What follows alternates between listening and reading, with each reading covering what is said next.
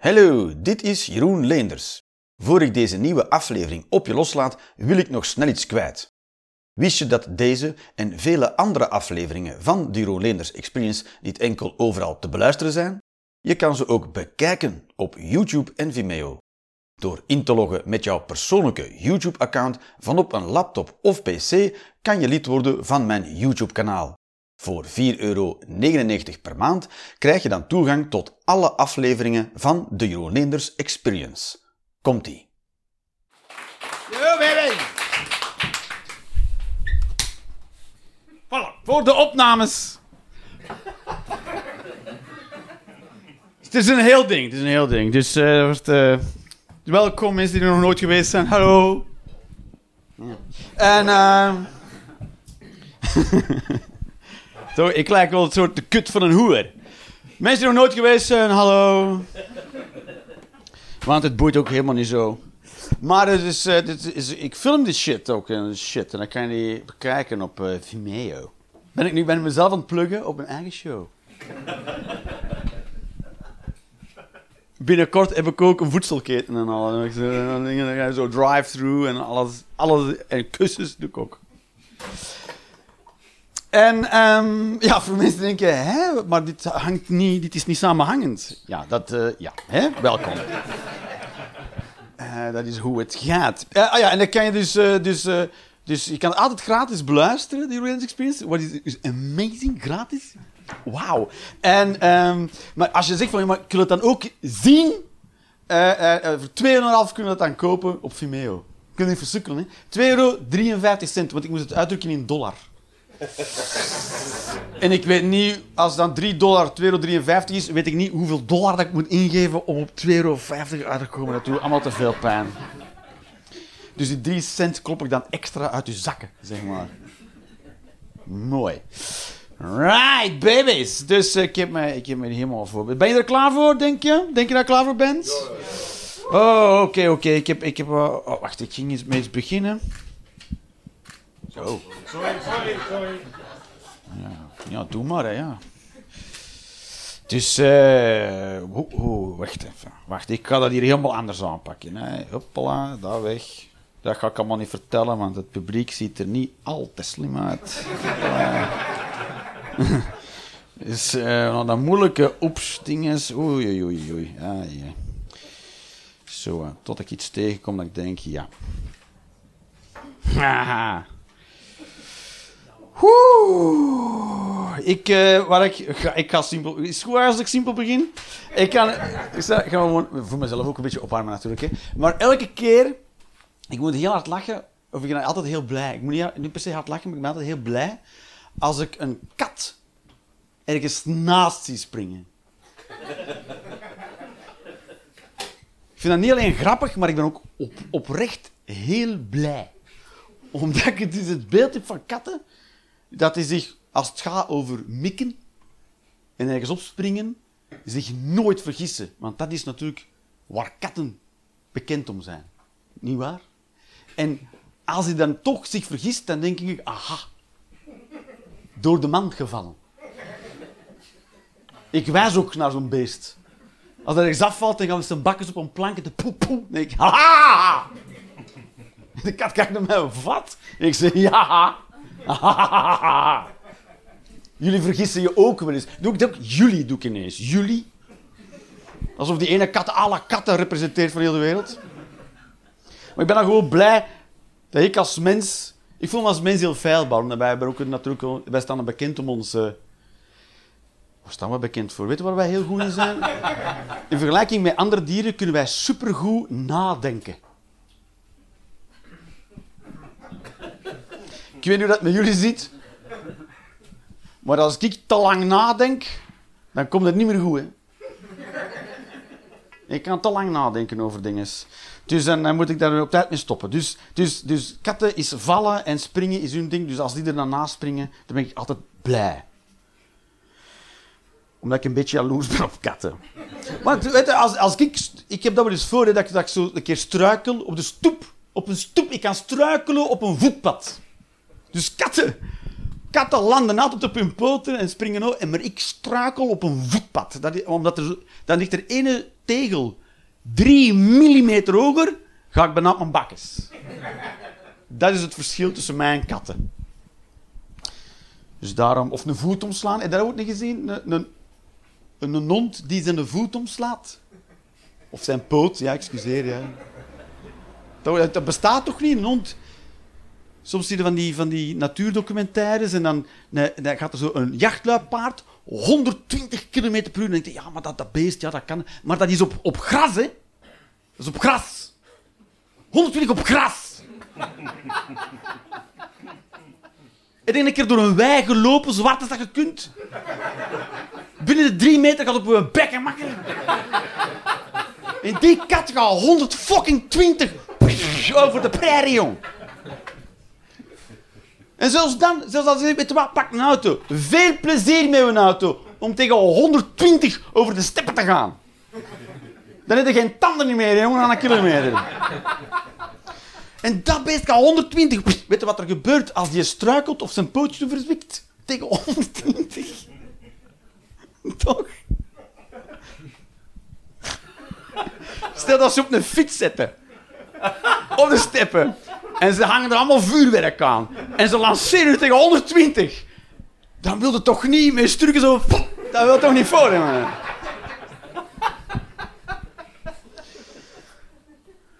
Dat wil ik maar zeggen. Dus, uh, het, is wel, het is wel, bijvoorbeeld, ik heb dat bij kat, ja, maar bijvoorbeeld een vogel die tegen de raam vliegt, dat snap ik. Omdat vogels nooit in staat zijn om een raam te gieten. Versta je? Die zijn nooit... Je mag nog miljarden vogels een zak wit zand geven. En elektriciteit, die gaan daar nooit een raam uit krijgen. Versta je? Dat, is, dat snap ik. Dat, is, dat is ook... Ik loop tegen ramen. als ze een raam te goed poetsen, 9 van de 10, gaat er eerst een duif tegen en dan ikke. Met zo'n afdruk ook zo. Is zo. Maar het is ook vooral cool dat, in tegenstelling tot mensen, dieren zich daar totaal niet mee identificeren. Als een kat ergens naast springt en dat doet zich pijn, dan staat dat gewoon recht, dan schudt zijn kop, klaar. Die denkt gewoon, oh, jongen, jongen. En die wandelt verder. Dus op geen enkele manier, op het moment denkt dat die kat, dat toch een sukkel eigenlijk is. Zeg. Ik zou dat moeten kunnen. Of ook, uh, denk ook niet, wat gaan andere katten van mij denken? Want andere katten denken daar helemaal niks van. Die zien dat en denken, yes. Als je enkel kat die een andere kat uitlacht, volgens mij kunnen katten ook niet uitlachen. Dus ja, eigenlijk maakt dat gewoon van mij een, een ongevoelige zak. Eigenlijk. Toch? Want eigenlijk zijn ook alle dieren zijn ook gewoon voelende organismen. En zouden wij alle medevoelende organismen... In feite zouden we ons zo moeten identificeren dat wij een medevoelend organisme zijn. Een mede-organisme. Dat alle organismen gelijk zijn.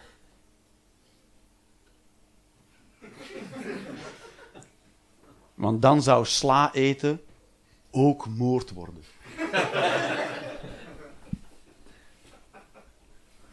en wat gaan de vegans dan doen? Dus ik ben uh, de meest badass vegan. Ik ga nog veel verder. Sla eten is moord. Ik heb een sticker op mijn auto kleven. Sla eten is moord en onder en courgette ook.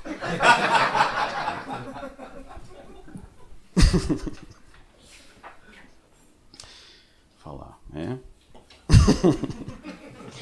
Toch, hè? En dan toch van verschiet wat je allemaal uit zijn onderwerp krijgt eigenlijk. Stak ik ook van te kijken.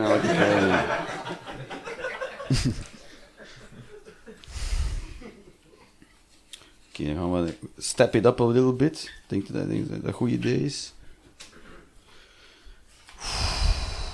Oké, ja, ja, oké, laten we hier, deze is een goede, oké. Ik, dus in België heeft de SPA, Socialistische Partij van de algemene. En. ehm,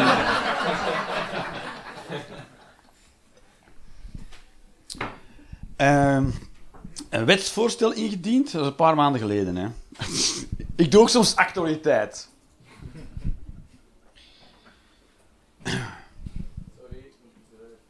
Dat is, dat, dat is niet erg. Doe maar, doe maar de deur open. Wie is het? Wie is het? Ah, welkom. Je moet uw, uw koffiefilterken afzetten.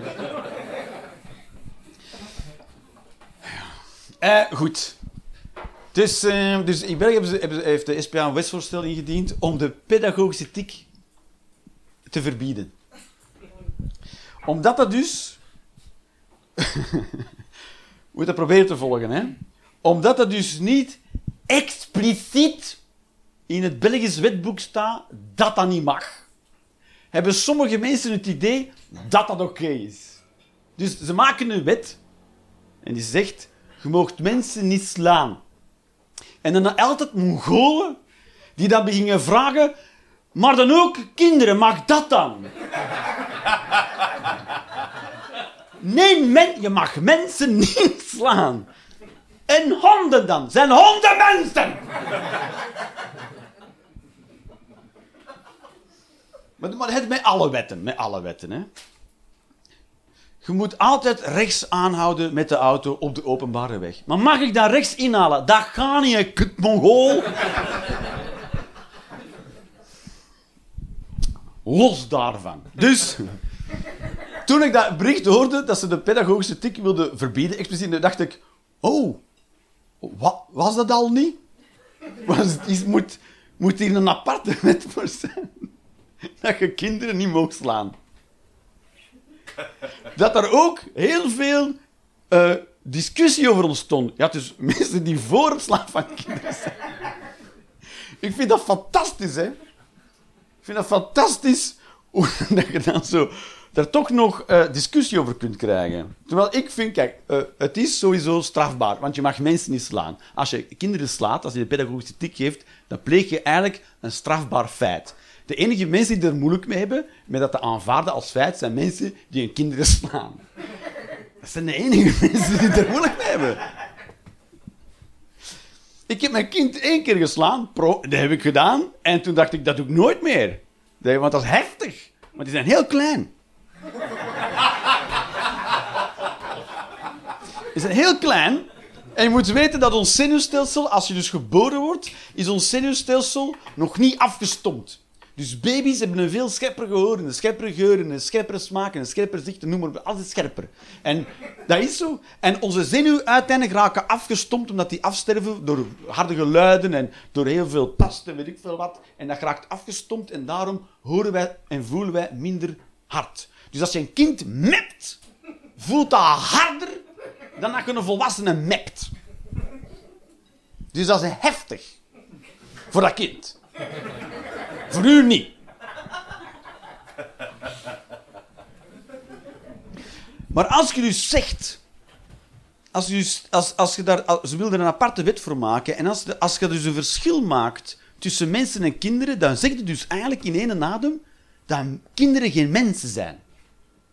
Want anders zouden zij vallen onder de wet, onder de bescherming van de wet, dat je mensen niet mag slaan. Maar als je zegt, een pedagogische tik mag wel, dan zeg je eigenlijk in één adem, kinderen zijn geen mensen. Wat prima is, hè.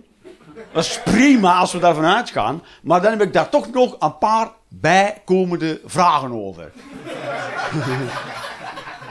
Als mensen daar dan toch zo goed over nagedacht hebben. Vanaf wanneer, vanaf wanneer zet het dan wel een mens?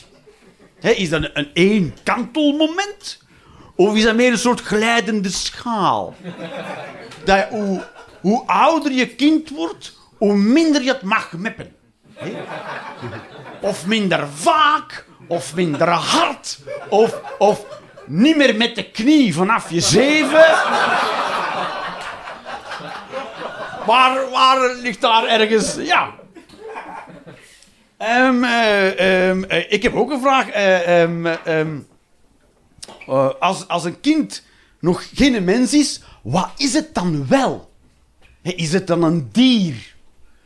Maar dat wil zeggen, mag ik het dan slachten en opeten bijvoorbeeld?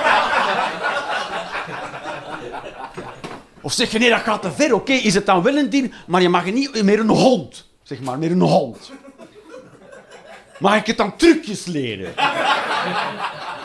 Mag ik het uh, lijken laten zoeken in een moeras door alleen te ruiken? Waar ligt de grens daar ergens? En, en dus als je kinderen die veel kwetsbaarder zijn, hè, de mens in zijn kwetsbaarste fase van zijn leven, wel mag slaan, maar volwassenen niet, zijn volwassenen eigenlijk pussies. Ah ja. Ah ja, want voor hun voelt pijn veel minder erg en zijn veel groter. Dus wat wil, wat wil het dan zeggen over welmensen? Dat mensen onder eigenlijk minder hard zijn dan kinderen. Dat kinderen eigenlijk superieure levensvormen zijn.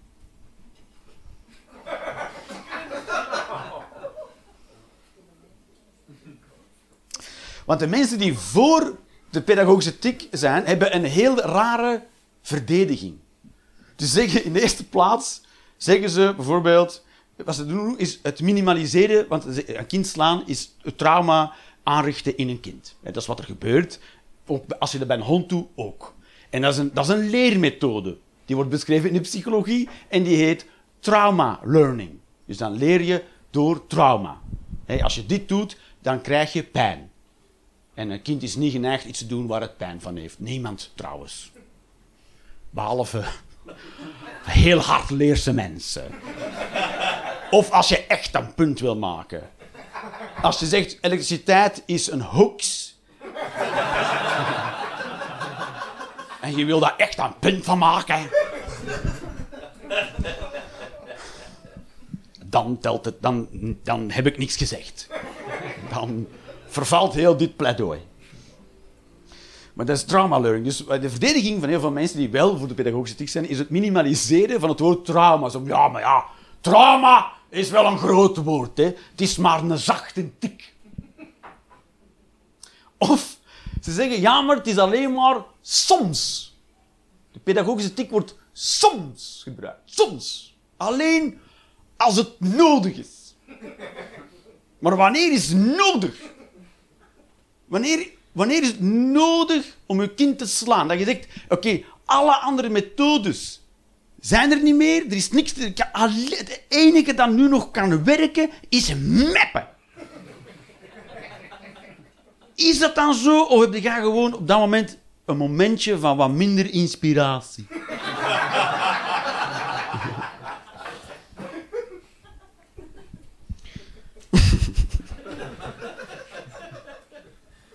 En mijn vraag is erbij dan, als je met die verdediging, stel dat je een volwassen mens slaat en je gaat dan naar de rechtbank en dat dan uw verdediging zou zijn, zou dat houden in de rechtbank?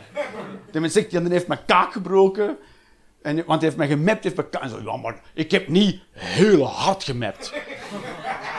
Je hebt ook wel een beetje een zwakke kaak. Of, ja, edelachtbare, in dat moment was dat gewoon even nodig. Ik wist niet meer wat ik moest doen. Mijn inspiratie was op.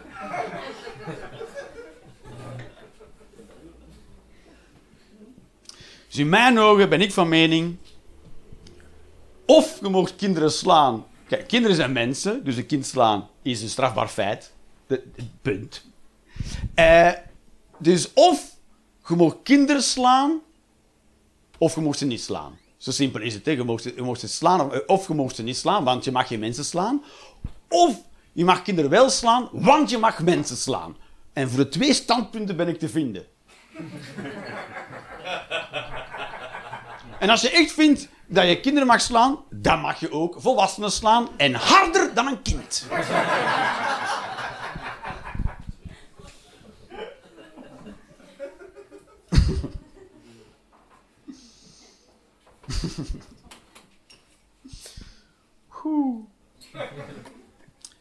Even drinken. Ja.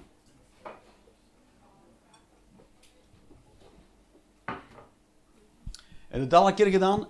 Uh, van water drinken terwijl er 25 mensen naar u zitten te kijken? Daar krijg je godverdomme dorst van, zal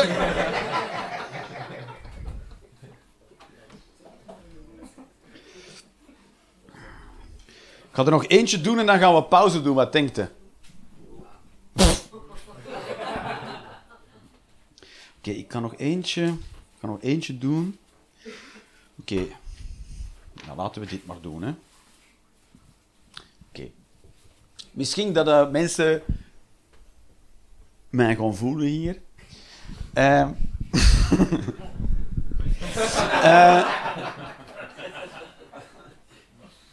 ja, dat is raar als je Engels letterlijk vertaalt. Voel je mij? Uh,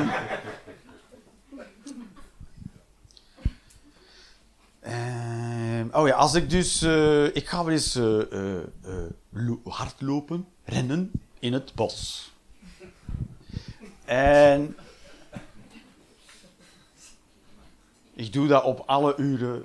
Ik heb geen vast loopuur. Want ik ben een rebel.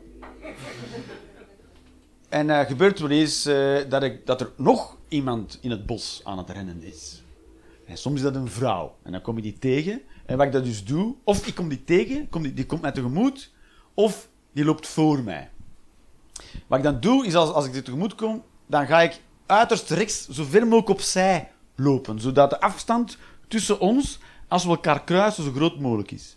En als ze voor mij loopt, dan ga ik niet vlak achteraan lopen. Ik ga een grote afstand houden. Of ik ga versnellen, zodat ik snel voorbij haar kan. En liefst met zo'n groot mogelijk boog. Allemaal, zodat zij zich niet bedreigd zou voelen door mij.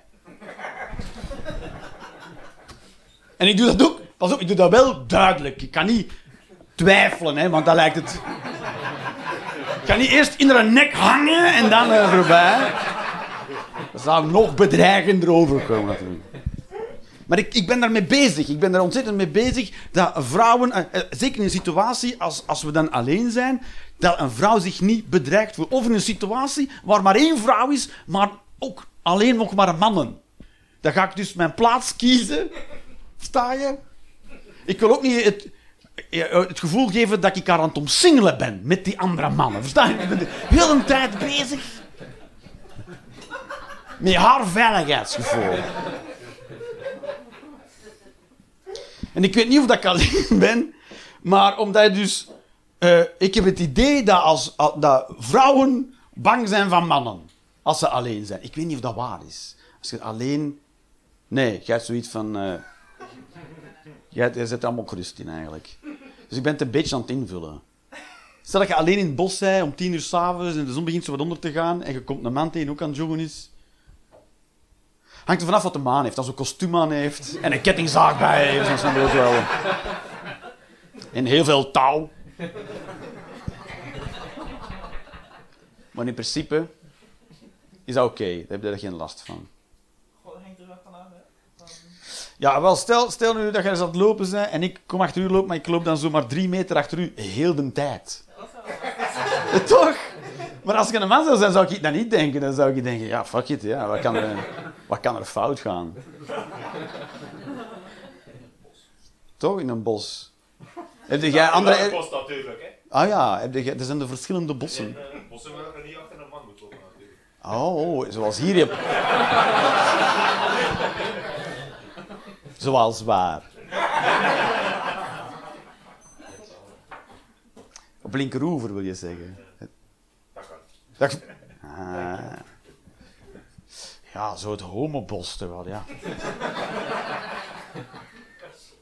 Als, als je nu hetero bent, maar, maar je doet heel graag anaal, moet dan, naar welk bos moet het dan? Is daar, is daar ook...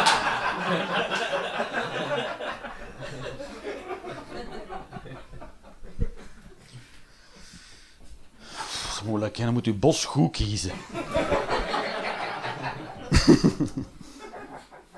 Maar goed, ben ik, ben ik daar alleen mee of zijn nog andere mannen daarmee bezig als ze vrouwen tegenkomen in situaties? Ja. Ja? Toch? Ja? Kijk, ladies. Nu ga je niet. Je gaat zoiets van, fuck you. Als het lopen bent, zijn ze gewoon aan lopen. Ja, dat weet ik niet, ja. Dat weet ik niet. Je zou toch kunnen denken, ik, ik vermom mij als hardloper om vrouwen te gaan verkrachten. toen ik er straks had over te lang nadenken. Dit dus. Begin situaties te schetsen en zo. Nee, nee, dat is. Want dat zou kunnen, hè, dat je een jogger ziet, maar eigenlijk is een verkrachter met een trainingspak aan. Want we weten allemaal dat trainingspakken niet alleen gedragen worden door sportmensen. Sommige mensen dragen die ook gewoon leisure. Niet iedereen in een trainingspak is een sportmens. dat weten we allemaal, hè? toch? Ik zie soms mensen in een trainingspak staan en denk van... nee. Jij bent zo al geen kogelstoter. No way in fucking hell. Daar heb jij de kuiten niet voor. Dus ik het een beetje aan het invullen. Ja, misschien ben ik er te veel mee bezig natuurlijk. Dat kan ook allemaal. Maar ja, het is toch, eh, ik heb toch het idee dat, dat er de mannen in deze samenleving, in deze tijd, een beetje worden afgeschilderd als de, het grootste gevaar voor vrouwen. Heb je daar niet het gevoel van jezelf? Nee? Ik heb altijd de neiging om mij ervoor te moeten voor verantwoorden. Nee, nee, ik ben niks van plan.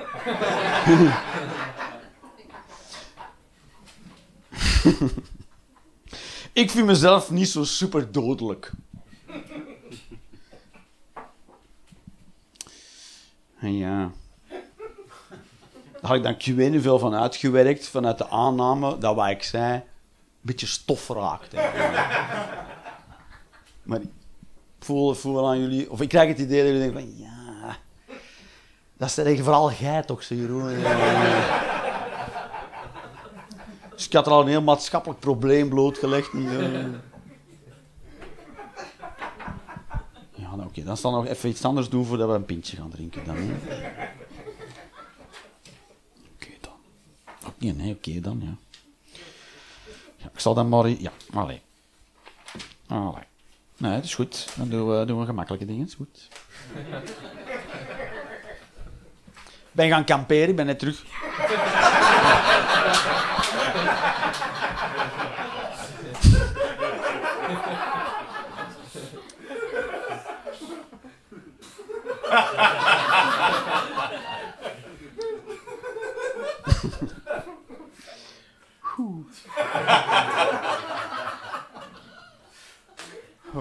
De, camping waar ik naartoe wilde, ik, ben ik heb twee kinderen, ik ben eh, met, met, hun dan gaan kamperen. En met een tent.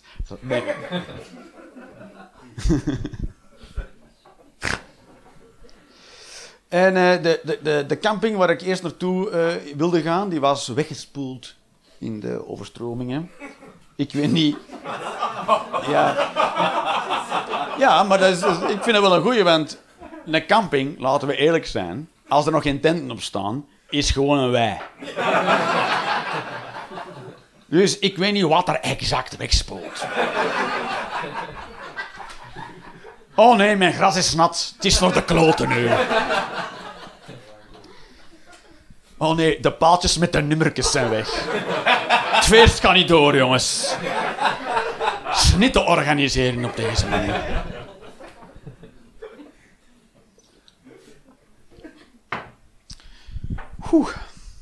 Ja, of zo. Ja, de mensen kunnen zich nergens douchen. Ik weet niet of dat je al oud bent gaat kamperen, of dat je nu doucht of niet doucht op een camping. Dat speelt geen rol. Hè. Na drie dagen stinkt iedereen toch uren in de wind en dat weet niemand dan ook. Dus ik had een andere camping eh, gezocht nog snel en ik kon daar aan terecht. En eh, ik had allemaal niet gelezen, die website. Ik zag er gewoon een paar foto's in. Ik denk, mooi. En er was nog plaats, dus ik blij, poef, naar daar. En, eh, en, en dat was een beetje een crappy camping. Ik kwam er zo aan, dat was een beetje crappy. En ik vind dat leuk als het een beetje crappy is, want dat wil zeggen, ik kan die mensen ook geen kloten schelen. En dat geeft mij dan ook de vrijheid om mij ook niet aan te trekken. En denk, ja, speelt hier toch allemaal geen rol.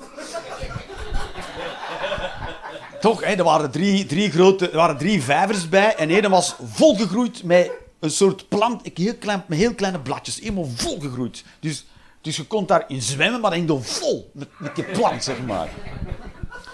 En de tweede plas, er was nergens een strand aangelegd. Er waren oude visputten waren dat. Dus in andere, was allemaal zo'n beetje kleine grond. Dus kinderen gaan er dan in zwemmen en kruipen dan zo op de rand. En die vol met, vol met modder. En er was een draaimolen en als je je kinderen erop zette en je draaide ermee, dan hakte die in twee. Dat was zo... Alles was crappy daar.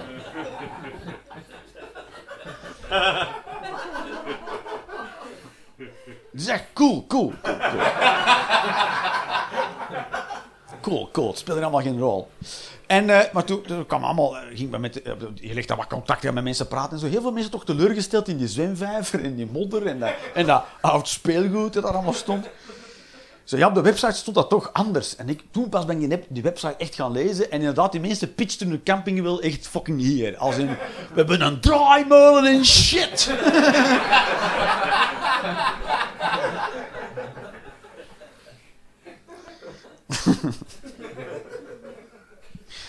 Ja, maar ik ben blij. Ik ben blij, ja.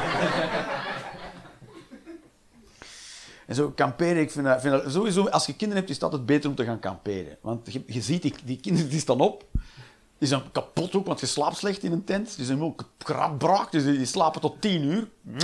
En dan...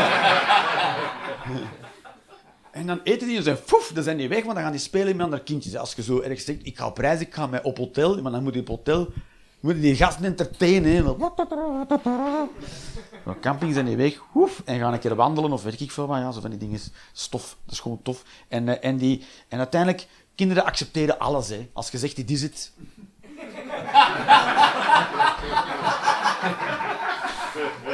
Die hebben nog geen idee wat er nog allemaal bestaat in de wereld. Ja. Als je moet gaan schijten, dat is drie uur wandelen. Dus neem een wc-papier mee. hè, Dat is, als, je dat dat vergeten bent, dan had je ergens in het bos je gat moeten afvegen met een varen. Dat is omdat kinderen zitten natuurlijk in een fase. Mijn, mijn dochter is acht en mijn zoon is tien. Die zitten nog midden in de acceptatiefase. Die weten, allemaal, die weten niet beter. Hè. Als je zegt, dit is het, dan is het dat. Dus die, die vinden dat leuk, dat is minder regen, dat is modder. Dat is prima. Ook zo, het was helemaal vol met modder. Ze zeggen, jongens, dan moeten we wel gedoucht worden. Nee, nee, ik kan ze ook wel in de slaapzak, is niet erg. dat is heerlijk. Maar het coole aan kamperen is, je wordt helemaal in het leven gedwongen. Je kunt, dat, dat, dan pas beginnen te beseffen uit hoeveel handelingen een handeling bestaat. Bij- Bijvoorbeeld gaan douchen is niet gewoon even dat is niet één handeling, hè, douchen. Je moet die uitkleden, dat is een handeling. Dan moet je eh, de douche aanzetten, dat is een handeling.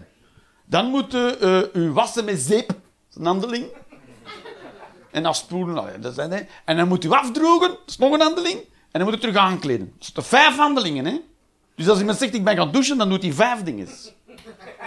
En als je thuis gaat douchen, speelt geen rol. Hè. Dat mag geen handeling zijn. Want als je iets vergeten bent, dan steekt de wand uit de deur. De zeep of weet ik veel wat. Of een proper onderbroekje gaan halen ergens. Dat is allemaal niet... Maar in een camping... Als je aan het kamperen... Je, je, hebt- je hebt gedoucht en dan zeg je... Fuck! Ik heb mijn handdoek niet bij. Dan moet je nat in een blote en nat naar je tent. Of je afdrogen met je vuile t-shirt. Wat dat heel uw werk te niet doen, zeg maar. En zo met alle handelingen. Gaan afwassen die gewoon afwassen. Hè. Je moet eerst het groot vuil van je bord doen. Dan het klein vuil. Je moet het ontvetten en je moet het afdrogen. Ja, is, hè? Nou, naar het wc gaan. Nou, het wc gaan niet alleen naar het wc gaan. Je moet ook je billen afvegen. Dus je moet er ook wc-papier meenemen. Dat is...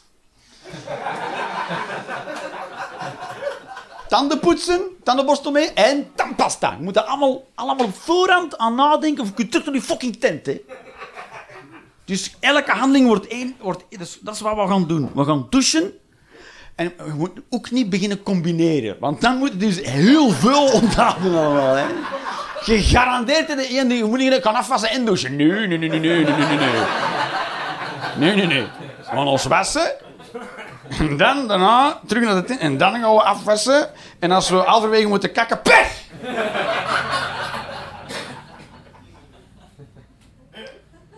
Dat je op de deur te denken, maar hoe heeft een mens in hemelsnaam nog tijd om te werken? Als je ziet hoeveel tijd een handeling kost. Wat ik deed op dat kamperen was morgens opstaan en dan maakte ik ontbijt. Oh, maakte ik ontbijt. Cornflakes, melk, bam, ontbijt. Klaar. Maar zo maak fuck you. En zo, de gas aan, ga allemaal afwas, fuck you. Eh, hier, pil, chocolate pillows van de Lidl. En dan, en dan, en dan, en dan ging ik een koffietje zetten. Stuk. En dat duurt een half uur, hè, een percolator. En, en dat, weet je wat ik na dat koffie zitten deed? Koffietje drinken. en mijn voormiddag was om, hè. En dan denk ik, wat hebben we nu in feite gekocht met alle luxe die we hebben? Meer tijd om te gaan werken. Dus, alright baby's, we gaan nu een korte pauze doen en dan hebben we daarna ook nog een kort stukje. Hopla.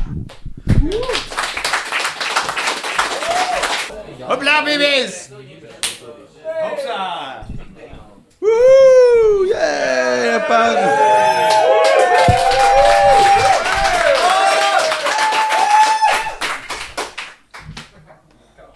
Te laat, hè, jongens. Dat is te laat. Hè. Dat is echt... eh, Dat is halverwege de sexy slaap vallen en dan 's morgens zeggen... Ja, het was, het was wel lekker, hoor. Ja.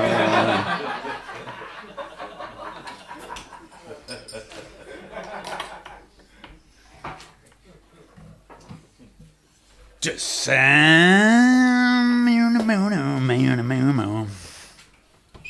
Voor de mensen die een beetje gevolgd hebben en eh, die eh, weten dat, hè, dat ik dus eh, ik was op de Tinders geweest. Tinders praat er nog van. Ja, ik, heb ik dus iemand ontmoet en ik ben dus nog altijd hopeloos in love. Mooi, hè? Ah, ja. En eh, ik, ben zo, zo verliefd. En dat, al twee maanden zijn we dit dan twee maanden en een paar dagen.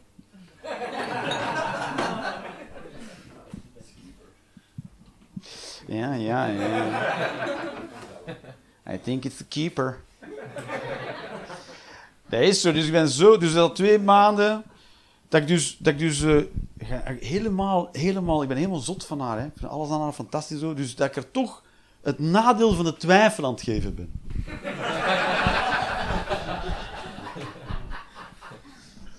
nou ja, want eh, kijk, eh, dit- ik, ik ben niet voor niks in behandeling in de gezondheidszorg.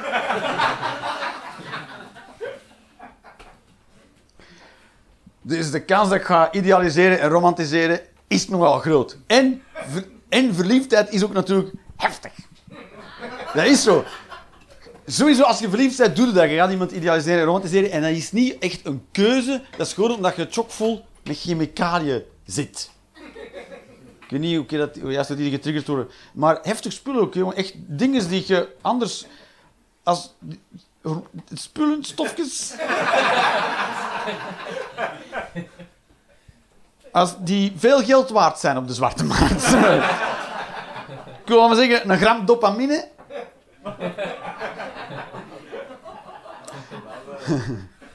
Kunnen goed wat geld voor vragen hoor. En dat, dat zijn dingen: eh, dopamine, noradrenaline, serotonine en PA. Dat is een afkorting van iets. Van Geen idee.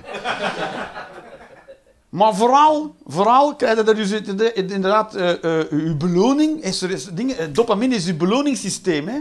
Dat Als, als een hond die een koekje krijgt. Oeh, ik heb het goed gedaan. Dat stofje in verliefdheid. Dus er wordt een heel raar soort leerproces verbonden aan die mens. Versta je? Je wordt geprogrammeerd op die mens. En je hebt daar niet veel aan te vertellen. En je wordt er euforisch van en, eh, en je krijgt een gevoel van sereniteit en innerlijke rust en tevredenheid. Dat is allemaal die stoffen die dat doen. En je hebt ook heel weinig honger, blijkbaar. Je hebt heel weinig honger, stilte, honger en, en ook pijnstillend. Dus dat zijn wat al die stoffen doen, is, je wordt er heel blij van, je geeft er geen honger van en het werkt pijnstillend. Dus eigenlijk is ver- verliefdheid een ernstige aandoening. Iemand die verliefd is, je kunt van die persoon zijn oordeel niet meer van op aan. Die zijn mening is niks niet meer waard. Want die zit vol met dopamine en serotonine en noem maar op. Dus ik kan niet meer oordelen. Die heeft ook in feite, dus, eh, eh, in, in de eerste plaats over zichzelf kan hij niet meer oordelen. Iemand die voelt geen pijn. Dus je moet af en toe moeten zo iemand checken op verwondingen.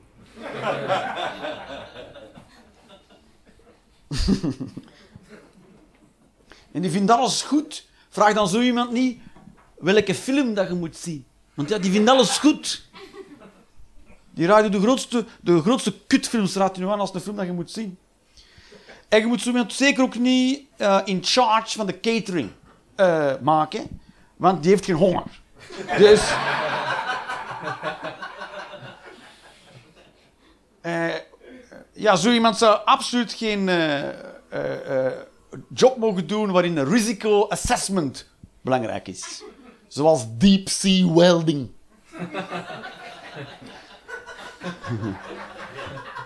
Die je bij 11 voor denkt, kan wel! Stok onder water.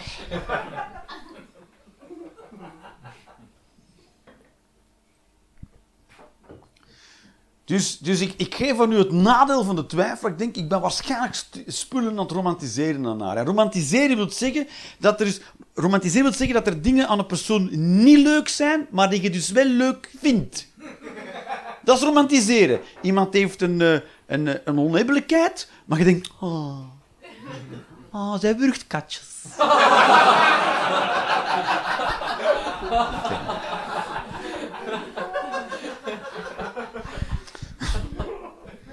Ah, hoe haar knokeltjes wit worden als ze dat doet. Dat is, ah.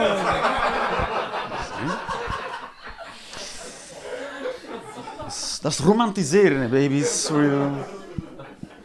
En idealiseren. Hè. Idealiseren dat je denkt wat die persoon zegt of doet, is, is, is altijd waar. Dat klopt. Maar dat- kan niet, hè. Dat kan niet. Dus, dus ik geef haar dus het, het nadeel van de twijfel. Omdat je dus haar en, en het wat wij hebben heel serieus neemt. Terwijl ik weet dat ik dus verliefd ben. Dus ik probeer dat wat naar beneden te krijgen. Hè. Dat, ik, dat ik haar kan zien voor wie dat ze is en dat ik oprecht kan zijn en dat ik mijn verantwoordelijkheid kan nemen voor mezelf en dat ik mijn eigen leven blijf leiden en zo. En dat ik dus geen verwachtingen ga projecteren om, omdat ik haar dus zo serieus wil nemen. Omdat ik zo gek van haar ben, omdat ik dus zo verliefd ben, omdat ik dus vol met die stofjes zit. Daarom is dat zo... Dus het is wel een catch-22. Want misschien is ze helemaal niet belangrijk. Maar ik vind van wel. Maar ja, ik ben verliefd, dus wat is mijn mening waard?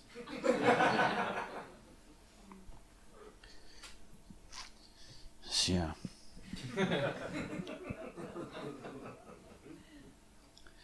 Madly in Love, ja, dat is, dat is dat is topspul, hè. De eerste keer ook dat ik er echt van kan genieten, dat, dat, dat moet ook. Je moet dat een beetje rationaliseren allemaal. Je moet dat allemaal een beetje rationeel beperken om ervan te kunnen genieten. Want anders wordt het tergend. Moet een beetje naar beneden halen af en toe. Oké. Nu gaan we de boekhouding doen.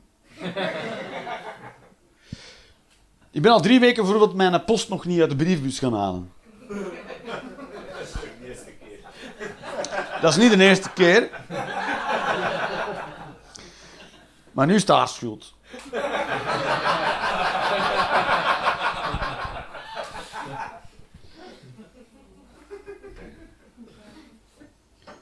Dat is zo.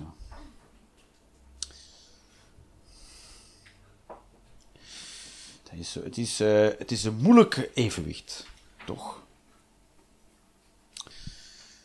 Maar we zijn, we zijn ook gewoon eh, chemicalen. Ja, dat is, stops, ja. Ik weet niet wat je, kunt over de mens niet veel meer vertellen dat, dat, dat, dat, dat, dat tenminste wat, wat die voelt. Toch? Als je, je, je kunt allemaal ideeën hebben over jezelf, wat voor iemand dat je bent.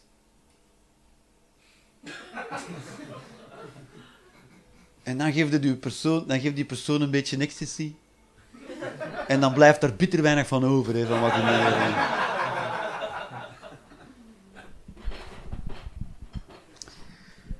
is- Er valt over een mens niet veel, niet, meer, niet veel meer te vertellen dan wat hij voelt. Ze zeggen dat soms, je zijn niet je gevoelens, maar ik denk, ik denk dat voor een deel wel, ja, voor een deel, ja. Hoe dat je nu voelt, dat is eigenlijk wat je zijt, hè, ja. Ik geloof sowieso al niet in een ziel of in een kern.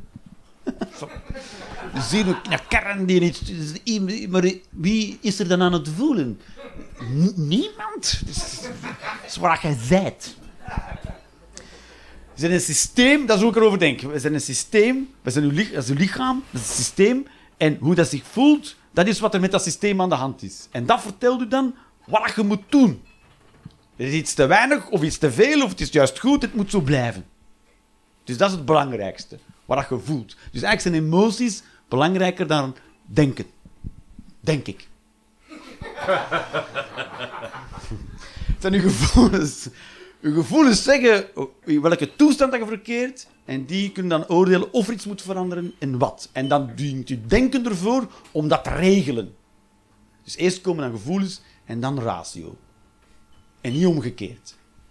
Het is niet dat je eerst een doel bedenkt en dat je dat dan gaat bereiken en ondertussen je, je gevoelens op. Dat, slacht helemaal, dat, doen we, dat is wat we nu aan het doen zijn, eigenlijk. Dat is wat we nu allemaal doen, hè. Ik moet gaan werken. Waarom? Voor geld. Waarom? Om dingen te kopen. Zoals spullen. En, dan... Maar waar zit jij heel de tijd? Waar zit jij in heel de tijd? In dat helemaal op het einde, helemaal op het einde, ah, krijg jij één echt.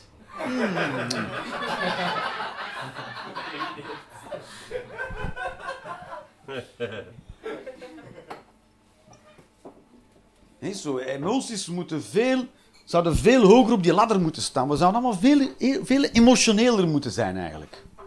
Ik predik wel voor... voor en daarmee wil ik dus niet zeggen irrationeel, hè? want als ik dat dan vertel, dan zeg ik, oh, bedoel ik dan dat we dan irrationeel moeten zijn? Nee, helemaal niet. Irrationeel wil zeggen niet rationeel. Maar ik zeg, emoties en ratio staan niet tegenover elkaar. Versta je? Zijn geen, geen tegengestelde van elkaar. Tegenover ratio staat irrationeel, maar niet emoties. Irrationeel wil zeggen, ik ben tegen zwaartekracht, bijvoorbeeld. Dat is, dat is irrationeel.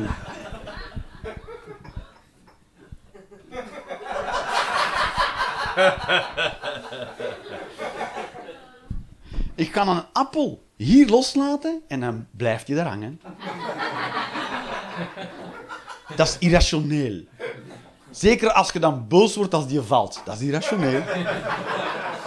En dat je dan denkt, concludeert, dat is een slechte appel. Ik ben nu zelf verloren gelopen in mijn eigen metafoor. Ik weet niet hoe ik het...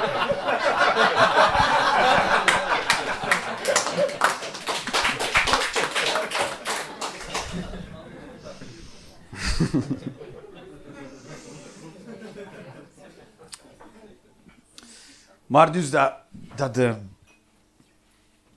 ja, het- het denken, ik, vind, ik vind, dat is wat ik vind. Ik vind dat denken veel te hoog staat aangeschreven in de wereld. We zijn er... Het is, onze specialiteit, maar de, we zijn er allemaal niet zo goed in. Hè. Want je moet ook zien, wij zijn, dat is waar dat wij van alle andere organismen, dat is wat dat wij goed kunnen denken.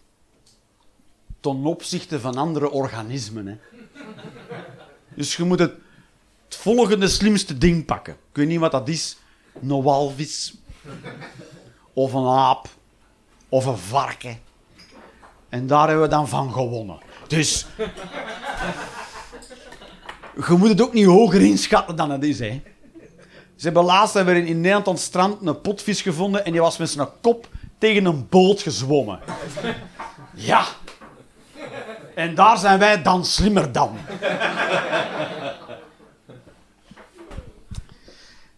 Voilà. Dus dat is... dat is ratio. En dus, dus ik denk dat, dat we dat moeten gaan omkeren.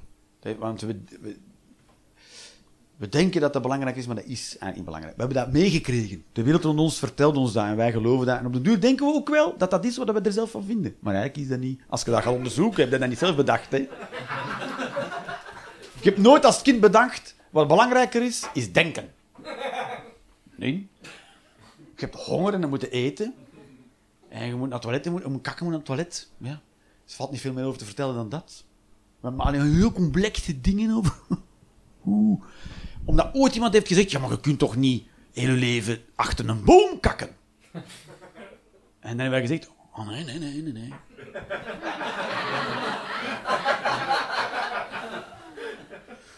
Dat moet in een kamer gebeuren. Maar toch niet waar dat je slaapt? Nee. In een aparte kamer.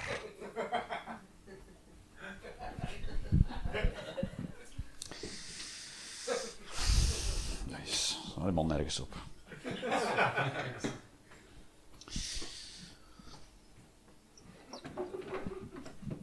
Oké, zijn we klaar? Ik, heb een, ik ga eentje lanceren.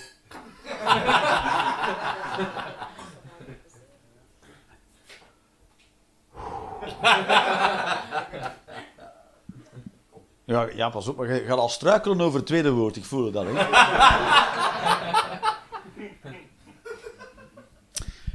Het patriarchaat. Oh!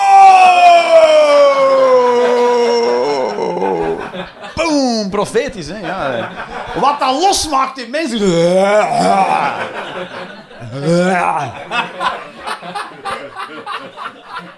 Doe mij maar kak eten. Is nu. Ah, nee, niet dat, jongen. Ik heb niks anders, Jeroen. Ja, maar dat ga ik niet geven. Het patriarchaat, baby's, is in iedereen... Het is één aan de hand. Even, we willen soms niet gezegd hebben, maar het is zo, het is zo, het is, een patriarchaat in leven. Maar het werkt niet in het voordeel van mannen. Ook niet in het voordeel van vrouwen. Hè? Maar ook niet in het voordeel van mannen. Want soms wordt het dan zo gebracht, zeg maar. Hè? Ja, het is een mannenwereld en als man zijn daar- zijn er dan bevoordeeld. Nee, nee, nee. Ik ben ook benadeeld, maar gewoon heel anders. Het patriarchaat is voor niemand tof. Ze moet niet naar mij kijken. Oh ja, maar jij het gemakkelijk. Noep. Mannen lijden heel, even hard onder het patriarchaat als vrouwen. Dat is zo. Sowieso hebben mannen minder tijd met hun gezin. Dat is zo. Want over het algemeen gaan mannen meer werken dan vrouwen. Dus die hebben minder tijd dat ze doorbrengen met hun gezin. Ja. Toch? Ja. En of is dat een voordeel ook, minder tijd doorbrengen met hun gezin? De meeste gevaarlijke beroepen doen mannen. Als het een gevaarlijk beroep is, 90% wordt uitgevoerd door mannen van die beroepen. We hebben een hogere mortaliteit. Dus mannen, er, zijn mannen, er sterven meer mannen dan vrouwen. Meer suïcide, meer verslaving en er zitten meer mannen in de gevangenis dan vrouwen. Voilà. Dat is ook het patriarchaat, hè, ja? Ja, maar dan, dat, is, dat, dat, dat wordt een beetje vergeten dan, soms. Door feministen vaak. Want ik snap ook wel dat dat hun strijd een beetje... eh.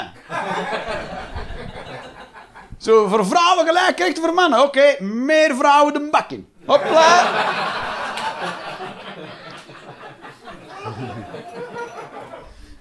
Doe de duikpak maar aan en neemt die lastpost maar mee. Wat gaan we doen dan? Dat gaan we wel zien. Hey.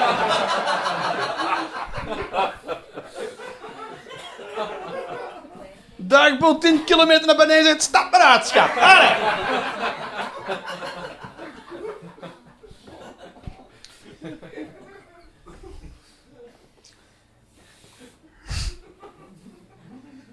Ik kan niet zeggen dat mannen het moeilijker hebben dan vrouwen. Hè.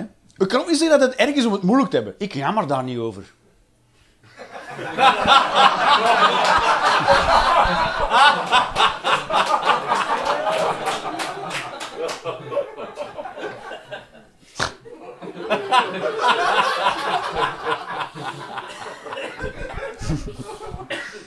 Want het is niet alsof dat ik als man ehm, een speciale opleiding heb gekregen om, om te, te domineren. Hè? Want dat is wat een patriarchaat is. Een patriarchaat is is een maatschappijvorm waarin mannen dominant zijn of domineren. Maar ik heb nooit leren domineren. Hè? Niet op school dat ze, dat ze alle jongens uit de klas pikten. Kom ik mee, kom mee. Als een van die wijven een grote bek krijgt. Hè?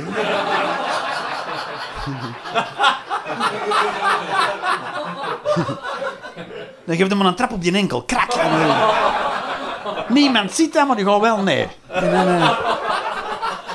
dan weet hij dat ook weer al. Nooit gebeurd, hè. Wat ik wel geleerd heb, als, jongen, als jongetje, wat ik wel heb geleerd, is om niet flauw te doen. Niet flauw doen, dat heb ik geleerd. Niet flauw doen en winnen. Winnen heb ik geleerd. En eh, mij niet laten schuren, heb ik ook geleerd. En mij vermannen, dat heb ik ook allemaal geleerd. Emoties onderdrukken, in een, in een nutshell. Dat heb ik geleerd. Als je iets voelt, niet tonen. En kapot gaan van binnen.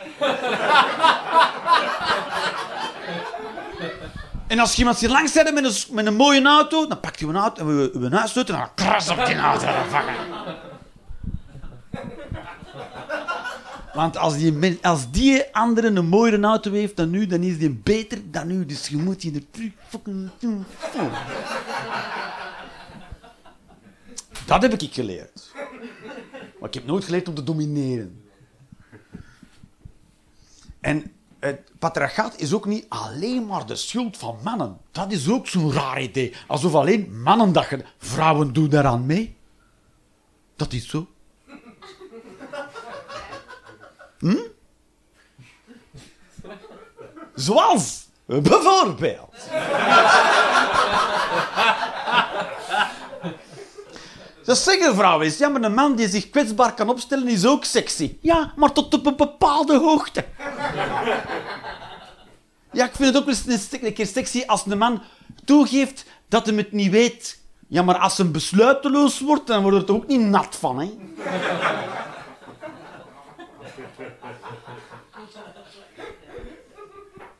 Of bang zijn. Mannen die bang zijn. Bang zijn. Ja, maar te bang is het ook niet, hè? Maar, maar tot hier bang zijn. Daarna moesten we weer terug vermannen. Dat weet je, ook, ook- laatst ook zo, was een vrouw tegen mij. Zeg, jij bent toch sterk, hè? Wat? Oh, waarom dat ik een lul heb?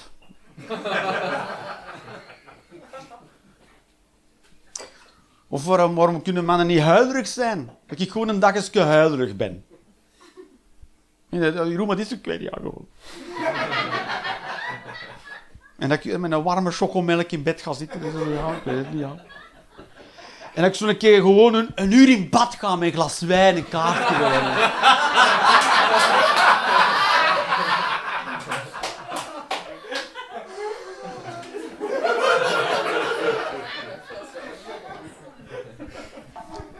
ik zo de, de, de woonkamer kom binnenwandelen met, zo, mijn, mijn gezicht volgesmeerd met een of andere modder. En al wat dingen. En een handdoek. En dan zo, vinden mij nog mooi.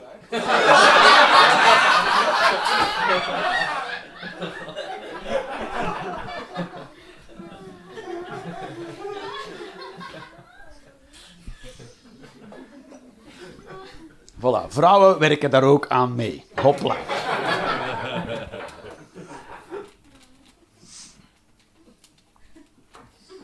En het komt er allemaal op neer. Uiteindelijk is heel dat ding ontstaan. Niemand heeft dat gebouwd. Dat is ontstaan. Dat is gegroeid op een idee dat de wereld is opgedeeld in mannen en in vrouwen. En dat idee komt van het idee dat de natuur is opgedeeld in mannen en in vrouwen. En dat is half waar. Want het is niet binair. De- zelfs de natuur is niet binair opgedeeld. Het is niet dat de natuur mannen hebt en vrouwen. Dat is niet bij insecten zo, dat is niet bij planten zo en dat is niet bij dieren zo. Seks, dus uw geslacht is een soort glijdende schaal. Met het ene uiterste mannelijkheid en het andere vrouwelijkheid. En dan alles wat daartussen zit. En helemaal in het midden heb je intersex mensen of organismen zelfs. En 1,7% van de mensen wordt intersex geboren. Dat wil zeggen dat zelfs de dokters bij geboorte niet kunnen zeggen of het nu een meisje of een jongen is. Dat kun je zeggen, "Eh, chromosomen dan? Ja, dat weet ik dat wij natuurlijk als volk... "Eh, eh, de chromosomen dan?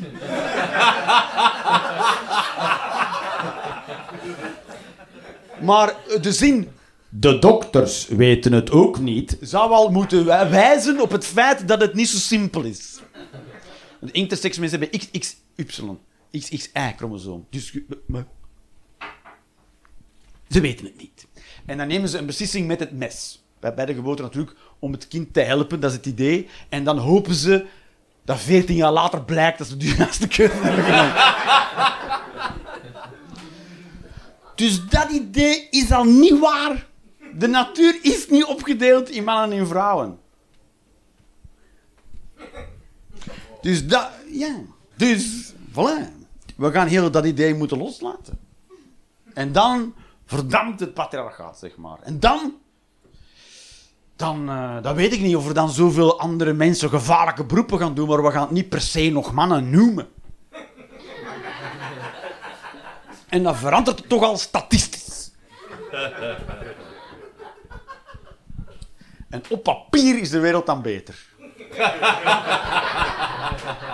Right, baby's, de Castelloleners, dankjewel.